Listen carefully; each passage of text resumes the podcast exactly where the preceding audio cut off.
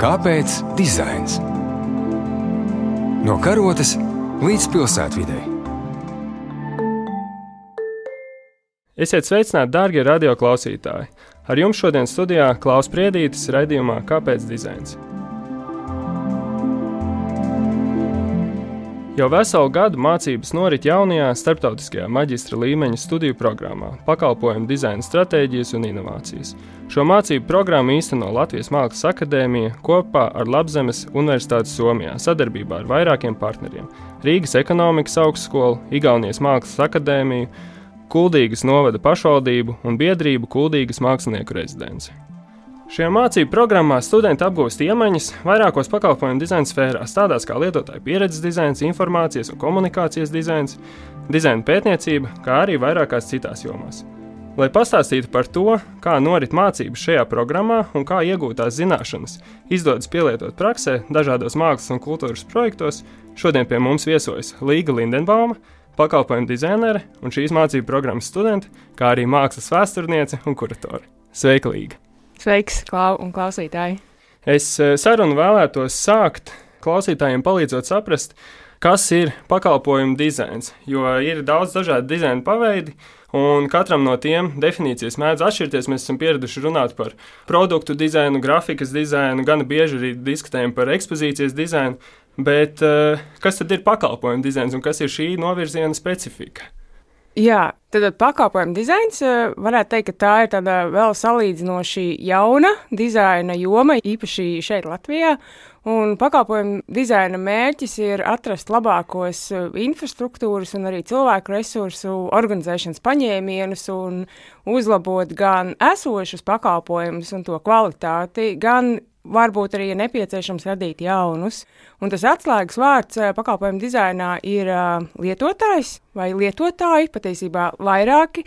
Un šajā gadījumā saprotot to, ka lietotājs ir gan pakalpojuma lietotājs vai klients, kas piedzīvo šo pakalpojumu, bet tikpat labi tie ir arī citi iesaistītie, citas iesaistītās puses. Tā var būt organizācija vai kompānija, kas piedāvā pakalpojumu, un vēl citas sadarbības puses, kuras šajā ekosistēmā ir iekļautas un saistītas. Un tā ir tāda, es teiktu, ļoti holistiska pieeja, jo tiek skatīts viss pakalpojuma process un visas iesaistītās puses kas piedalās pakalpojumu sniegšanā, arī nepastarpināti, jo varbūt arī tā, ka kaut kāda puse, kas lietotājiem nav varbūt redzama, ārkārtīgi svarīga tajā kvalitātē, kāds šis pakalpojums beigās ir. Un pakalpojumu dizainers var strādāt ar visdažādākajām jomām. Tā ir metodoloģija, kas balstās ļoti daudz eh, dizaina domāšanā dažādās dizaina domāšanas metodēs, kuras tiek izmantotas atkarībā no tā, ar, kādu pakalpojumu tiek strādāts. Jā, tas varētu teikt, ka mans kā pakalpojumu dizaineru uzdevums ir ieklausīties šajos lietotājos, jo var būt arī situācijas, ka, piemēram, klients atnāk pie pakalpojumu dizaineru un saka, man ir jāuzlabo pakalpojums, un reku mums ir šī problēma. Tas ir galvenais, eh, kādēļ pakalpojums nav labs. Bet uh, iedziļinoties, var izrādīties, ka lietotājiem ir kaut kādas citas vajadzības, kas, piemēram, viņam ir nepieciešamas uh, pakalpojumu saņemot. Tad mans kā pakalpojumu dizainera uzdevums ir atrast šīs vajadzības un varbūt atrast arī īstās problēmas. Pat ja varbūt klientam sākumā viņas vēl nešķiet uh, aktuālas, vai viņš varbūt tās pat neredz. Kāpēc dizains?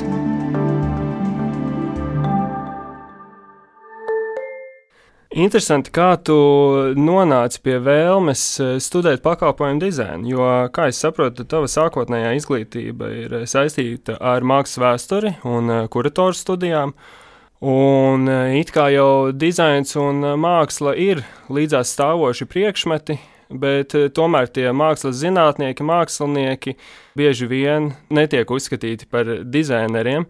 Kā tev radās tā interese par pakalpojumu dizainu un par studijām, kurās tu šobrīd studē? Jā, nu, es teiktu, ka tas ir tāds arī interesants stāsts. Mēs pakalpojumu dizainā daudz runājam par lietotāja pieredzes ceļu, tā kā journey mapu. Un man šķiet, ka es gandrīz arī varētu uzzīmēt savu ceļu līdz šīm studijām. Jo ir tā, kā tu saki, es nāku no vizuālās mākslas lauka. Esmu strādājis vairāk kā 15 gadus ar izstāžu organizēšanu visdažādākajās institūcijās. Tas sākums vai aizraušanās ar dizainu, kas man noveda pie pakalpojumu dizaina, sākās ar ļoti praktisku ideju. Es gribēju paplašināt savas zināšanas, iestājos Mākslas akadēmijā, funkcionālā dizaina nodaļā ar domu, ka vēlos uzlabot uh, savu pieredzi, kā veidot izstādes. Mans fokus tajā mirklī bija izstāžu ekspozīcija dizains. Un tas bija gads, kad maģistra programmā pirmo reizi bija pakalpojumu dizains kā priekšmets, ko vadīja Ilza Kundziņa un Līga Lētiņa. Es teiktu, ka tas man bija tāds, varētu teikt, atslēgas punkts, jo es sapratu, ka pakalpojumu dizains ir joma, kas man ārkārtīgi interesē, ka tā ir joma, kur es varētu kā, salikt kopā savas dažādas pieredzes, kas man ir uzkrājušās manā iepriekšējā profesionālā karjerā. Un tad jau pēc tam, kad uh, es uzzināju, ka Ilza Kunziņa kopā ar Ilzas upi un, un komandu veido šo te jau starptautisko maģistra programmu pakalpojumu dizaina stratēģijas un inovācijas, sapratu, jā, ka tā ir programma, kurā es gribu iestāties un kur es gribu iegūt savas profesionālās jau iemaņas, lai varētu strādāt šajā laukā jau patstāvīgi. Tad parunāsim vairāk par eh, pašu to programmu. Kā es saprotu, tad programma ir eh, starptautiska. Viņa ir eh, izveidota starp divām universitātēm, kas neatrodas pat vienā valstī. Un, kā tad norisinās šis pakalpojumu dizaina studiju process, un uh, uz ko tiek likti fokusi, kā notiek tās mācības? Vai tās ir tradicionālās mācības, kur uh, sēž studenti auditorijā un pasniedzējs priekšā klāsta savas gudrības, vai arī tas notiek kaut kā dinamiski ar pārceļošanu, studijām vienā universitātē, otrā universitātē? Kāds ir tas process? Process uh, pilnīgi noteikti ir uh, bijis savādāks nekā tas varbūt tradicionāli ir ierasts. Uh, bet man ir jāuzsver, jā, ka es esmu kursā, kas ir pirmais kurs šajā programmā. Mana studija pieredze sākās pagājušajā gadā, 2021. gada. Oktobrī, nu, ja mēs skatāmies uz to struktūru, pirmais gads pamatā notiek Latvijā, un to organizēja viens no lielajiem partneriem, tā ir Latvijas Mākslas akadēmija. Nu, mums iekrita, ka pagājušais gads eh, bija ar visu šo pandēmiju un lockdown situāciju. Pamatā mūsu studijas notika attālināti ar eh, vēl papildus sesijām klātienē Kuldīgā, kas ir vieta, kur eh, šī Latvijas programmas daļa arī ir paredzēta notikt arī turpmāk. Un es saprotu, ka šis otrais gads, kas sāka savu studiju procesu šogad, viņi ir bāzēti arī Kuldīgā. Tās studijas, varētu teikt, bija sadalītas tādos eh, diezgan īsos, mazos nogriežņos, jo mums bija ļoti daudz dažādi studiju priekšmeti, kurus mēs apguvām. Tur bija gan ievads pakalpojumu dizainā, gan storytelling, gan informācijas arhitektūrā, vizuālā komunikācijā, tehnoloģijas ar dažādiem testēšanas pamatprincipiem. Un tad vēl mums bija arī viens liels bloks, ko piedāvāja Stokholmas ekonomikas augstskola, kas bija vairāk ekonomikas, biznesa orientēts modulis Tā kā, jā, tas bija tādas ļoti intensīvas, īsas studiju sesijas ar atsevišķiem pasniedzējiem. Varbūt tās lekcijas bija kopumā, varbūt pat dažreiz tikai trīs vai piecas. Tas bija tāds ārkārtīgi intensīvs, es teiktu, sprints ar gandrīz tādām maratona iezīmēm visu gadu garumā. Savukārt otrais studiju gads, kas ir šis gads, tagad uh, vadību studiju procesā ir paņēmusi Labzemes universitāte, un studijas notiek Roviņamī, kas ir uh, Labzemes, Somijas augšā ziemeļos, Labzemes, tā teikt, tā kā centrālā pilsēta. Jā, un šeit savukārt jau es saskaros vai izbaudu tādu tā kā Somijas studiju pieredzi, kas ir arī atšķirīga piemēram no mūsu Latvijas pieredzes. Šajā gadījumā tās studijas ir eh, ļoti daudz orientētas uz paša studenta individuālo darbu, daudz, daudz vairāk nekā es esmu pieredzējis jebkad Latvijā. Man ir obligātie priekšmeti, kas ir obligāti jāizpilda. Es varu paņemt arī kaut kādus citus izvēles priekšmetus, pilnīgi pēc savas izvēles, arī no citiem studiju kursiem. Un tas arī ir tāds pilnīgi cits, varētu teikt, ceļojums cauri studiju procesam. Piemēram, kurs, ko esmu paņēmusi paralēli, ir saistīts ar Ķīnas biznesa pamatiem. Tā, tā man ir pilnīgi jauna pasaule. Pirms tam es par šo tēmu zināju ārkārtīgi maz. Tāpat esmu paņēmusi kursus par somu kultūras vēsturi vai arī Arktikas kultūru. Tā kā es esmu Rovaņamī, man ir interesanti arī šādas tēmas uzzināt. Un, protams, arī teiktu, šis te arī ceļojums uz Rovaņamī, kas ir principā pilsēta, kur sākās jau arktiskais lokus, tālu tur augšā ziemeļos.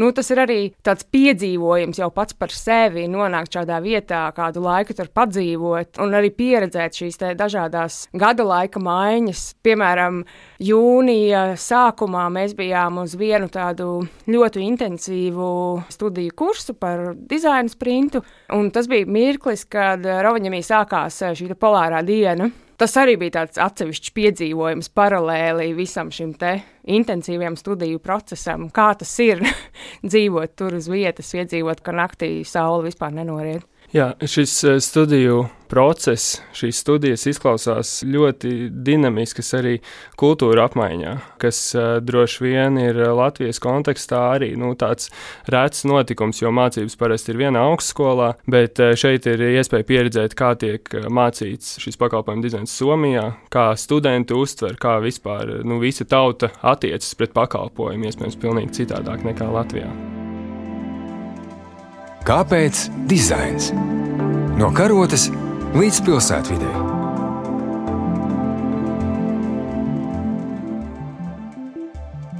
Raidījuma otrajā daļā es eh, vēlos pievērsties kultūrai un mākslai, kā procesuāliem notikumiem sabiedrībā, kas eh, realizējās dažādu norisu formā, kā piemēram izstādes, dažādas diskusijas, fórumi, publiski notikumi tad eh, mana interese ir par to, kā sabiedrībai ar pakalpojumu dizaina starpniecību ir iespējams pieredzēt šos notikumus un eh, dažreiz pat iespējams ņemt tajos aktīvu dalību.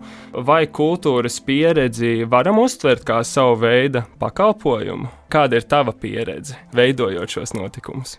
Pilnīgi noteikti, jebkurš ja kultūras pasākums, tas arī ir pakalpojums, ko kāds lieto. Vai tā ir izstāde, kur apmeklē skatītājs, vai tas ir koncerts vai teātris izrāde. Pamatā šim apmeklētājam tas ir pakalpojums, kur viņš apmeklē. No savas pieredzes teiktu, ka Man šīs dizaina studijas, jo tad, kad es pirmo reizi iepazinos ar pakalpojumu dizainu, viņas man ļoti transformēja domāšanu par to, kā veidot mākslas vai kultūras notikumus, vai kā vispār uz tiem skatīties.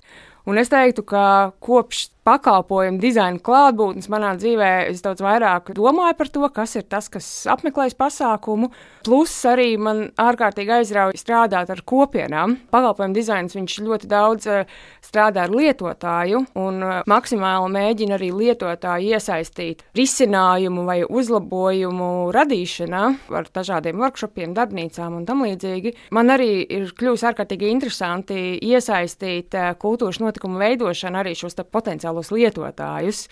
Viens piemērs ir uh, projekts, ko es īstenoju kopā ar mākslinieku rezidenci Cēsīs, Rutskas mākslas rezidences fondu.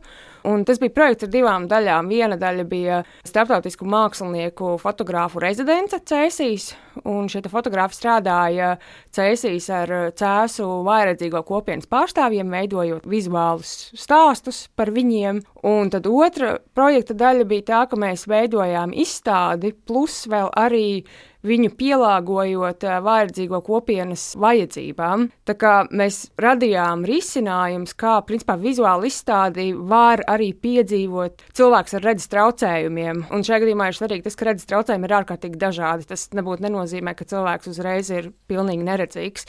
Tas mums arī bija tāds mūsu projekta izstādes veidošanas komandai arī tāds īsts piedzīvojums, jo Latvijā šādu piemēru ir ļoti maz vai gandrīz nav nemaz. Un tad mēs arī ļoti daudzus risinājumus, piemēram, tādus tiflo audio komentārus, kas ir jau specifiski domāti vajadzīgiem cilvēkiem, mēs viņus veidojām. Un testējām arī ar šīs vajadzīgo kopienas pārstāvjiem. Mēs kaut ko mēs izdarījām, tad mēs parādījām, vai devām viņiem noklausīties, dzirdējām viņu atsauksmes. Tādā veidā, principā, to izstādi būvējām, ņemot vērā viņu vajadzības un viņu tādas tā pieredzes. Un plus vēl arī, es teiktu, ka tā izstādē tāda pievienotā vērtība, bija arī šis inovatīvais risinājums, jo pakalpojumu dizains bieži vien arī iekļauj kaut kādas jaunas tehnoloģijas vai kaut kādus jaunos uh, risinājumus. Piemēram, šie visi audio komentāri, kas bija izstādē, viņi tika radīti ar tildes rīku, kas pārvērš rakstītu tekstu audio failā, runātā tekstā. Tas mums arī bija tāds uh, varētu teikt, atklājums un sapratne, ka jā, ka kaut kādus audio failus mūsdienās patiesībā viņus nav obligāti jāierunā dzīvam cilvēkam, kas nozīmē ārkārtīgus tur resursus, tur studiju īres, cilvēku tur atalgojumus, pēc tam montāžas un, un tam līdzīgi, bet ir iespējams izmantot šīs te modernās tehnoloģijas. Tu vienkārši uzraksti tekstu, iedod, piemēram, tildēji, kas savukārt šo tekstu pārvērš jau audio failā. Principā saīsina to ceļu, kā no teksta tikt pie audio failu un kā šīs kopienas uztver to, ka viņām piedāvā iesaistīties un būt dalībniekiem šī iespējams lielāka pakalpojuma radīšanā, jo izstāde jau ir domāta vairākiem cilvēkiem, un viņi ir gan pakalpojumu lietotāji, gan dalībnieki, kā radītāji. Savā ziņā viņiem varbūt nav dizaina izglītības un tā dizaina darbarīku kastīte, bet viņi tik un tā rada un piedalās šī pakalpojuma radīšanā. Kā viņi to uztver, ka viņiem vispār piedāvā to?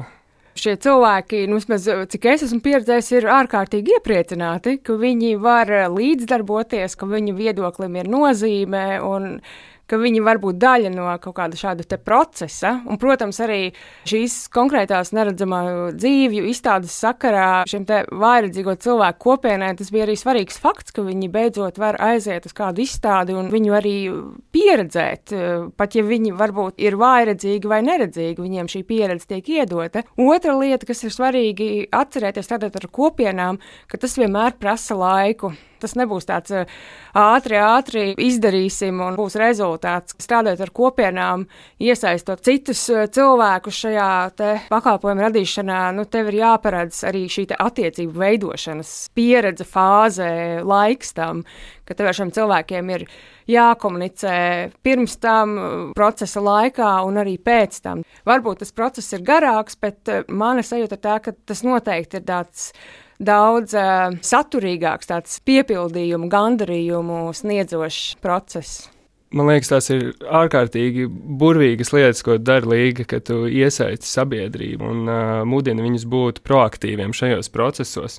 Noslēgumā, varbūt tev ir kāda nākotnes vīzija par pakalpojumu dizainu vispār, vai pakalpojumu dizainu Latvijā, vai vienkārši kāds novēlējums klausītājiem?